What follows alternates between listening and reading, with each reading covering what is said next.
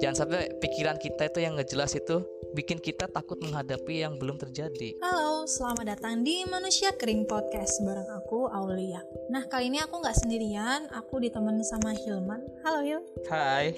Nah Hilman ini temanku dari zaman SD, zaman burik banget Iya, gak sih? murid kayak? banget dulu itu. Nah kita udah sama-sama ya dulu.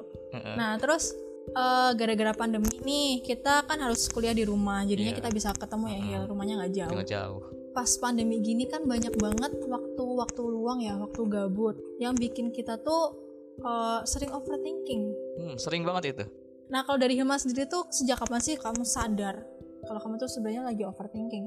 ngerasa overthinking sebenarnya itu pas lulus SMA kan itu tiba-tiba ngerasa eh, banyak pikiran-pikiran yang nggak jelas itu selalu pikir, dipikirin gitu tapi eh, ngerasa sadarnya itu bahwa itu overthinking itu pas kuliah pas, kuliah, pas malah ya. eh, eh, jadi dari teman-teman yang sadar tentang mental health juga dari postingan-postingan di media sosial tentang overthinking Nah overthinking ini kan biasanya muncul di waktu-waktu yang nggak terduga. Mau lagi di mana pun, kapan pun itu bisa aja overthinking. iya Nah biasanya kamu overthinking tuh perihal apa sih? Tentang perihal yang sederhana kayak chattingan sama temen itu. Contohnya pas eh, aku balas story the IG kan, IG temanku. Terus tapi dia nggak ada nggak balas balasanku.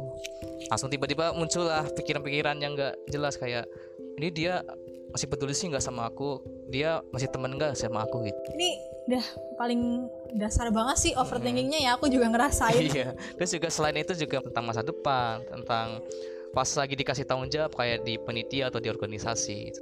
Nah terus gimana sih cara kamu healing dari overthinking? cara healingku ya menasehati diri sendiri Eh, karena yang bisa menyembuhkan kan diri sendiri selain itu juga aku melakukan kegiatan-kegiatan lain kayak olahraga jalan-jalan refreshing juga menghindari hal-hal yang bikin overthinking kayak nonaktifkan akun IG gitu Oh iya sih, biasanya banyak sih yang nonaktifkan akun IG.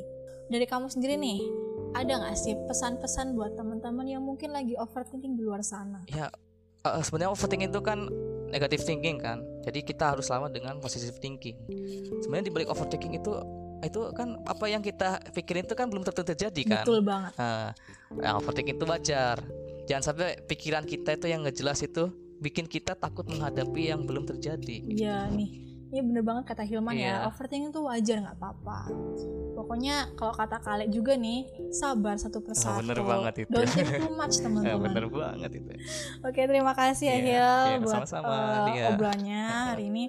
Nah, semoga apa yang kita bahas kali ini tuh bisa bermanfaat buat teman-teman. Amin. Sekian podcast dari kita. Sampai jumpa di podcast selanjutnya. Bye bye. Goodbye.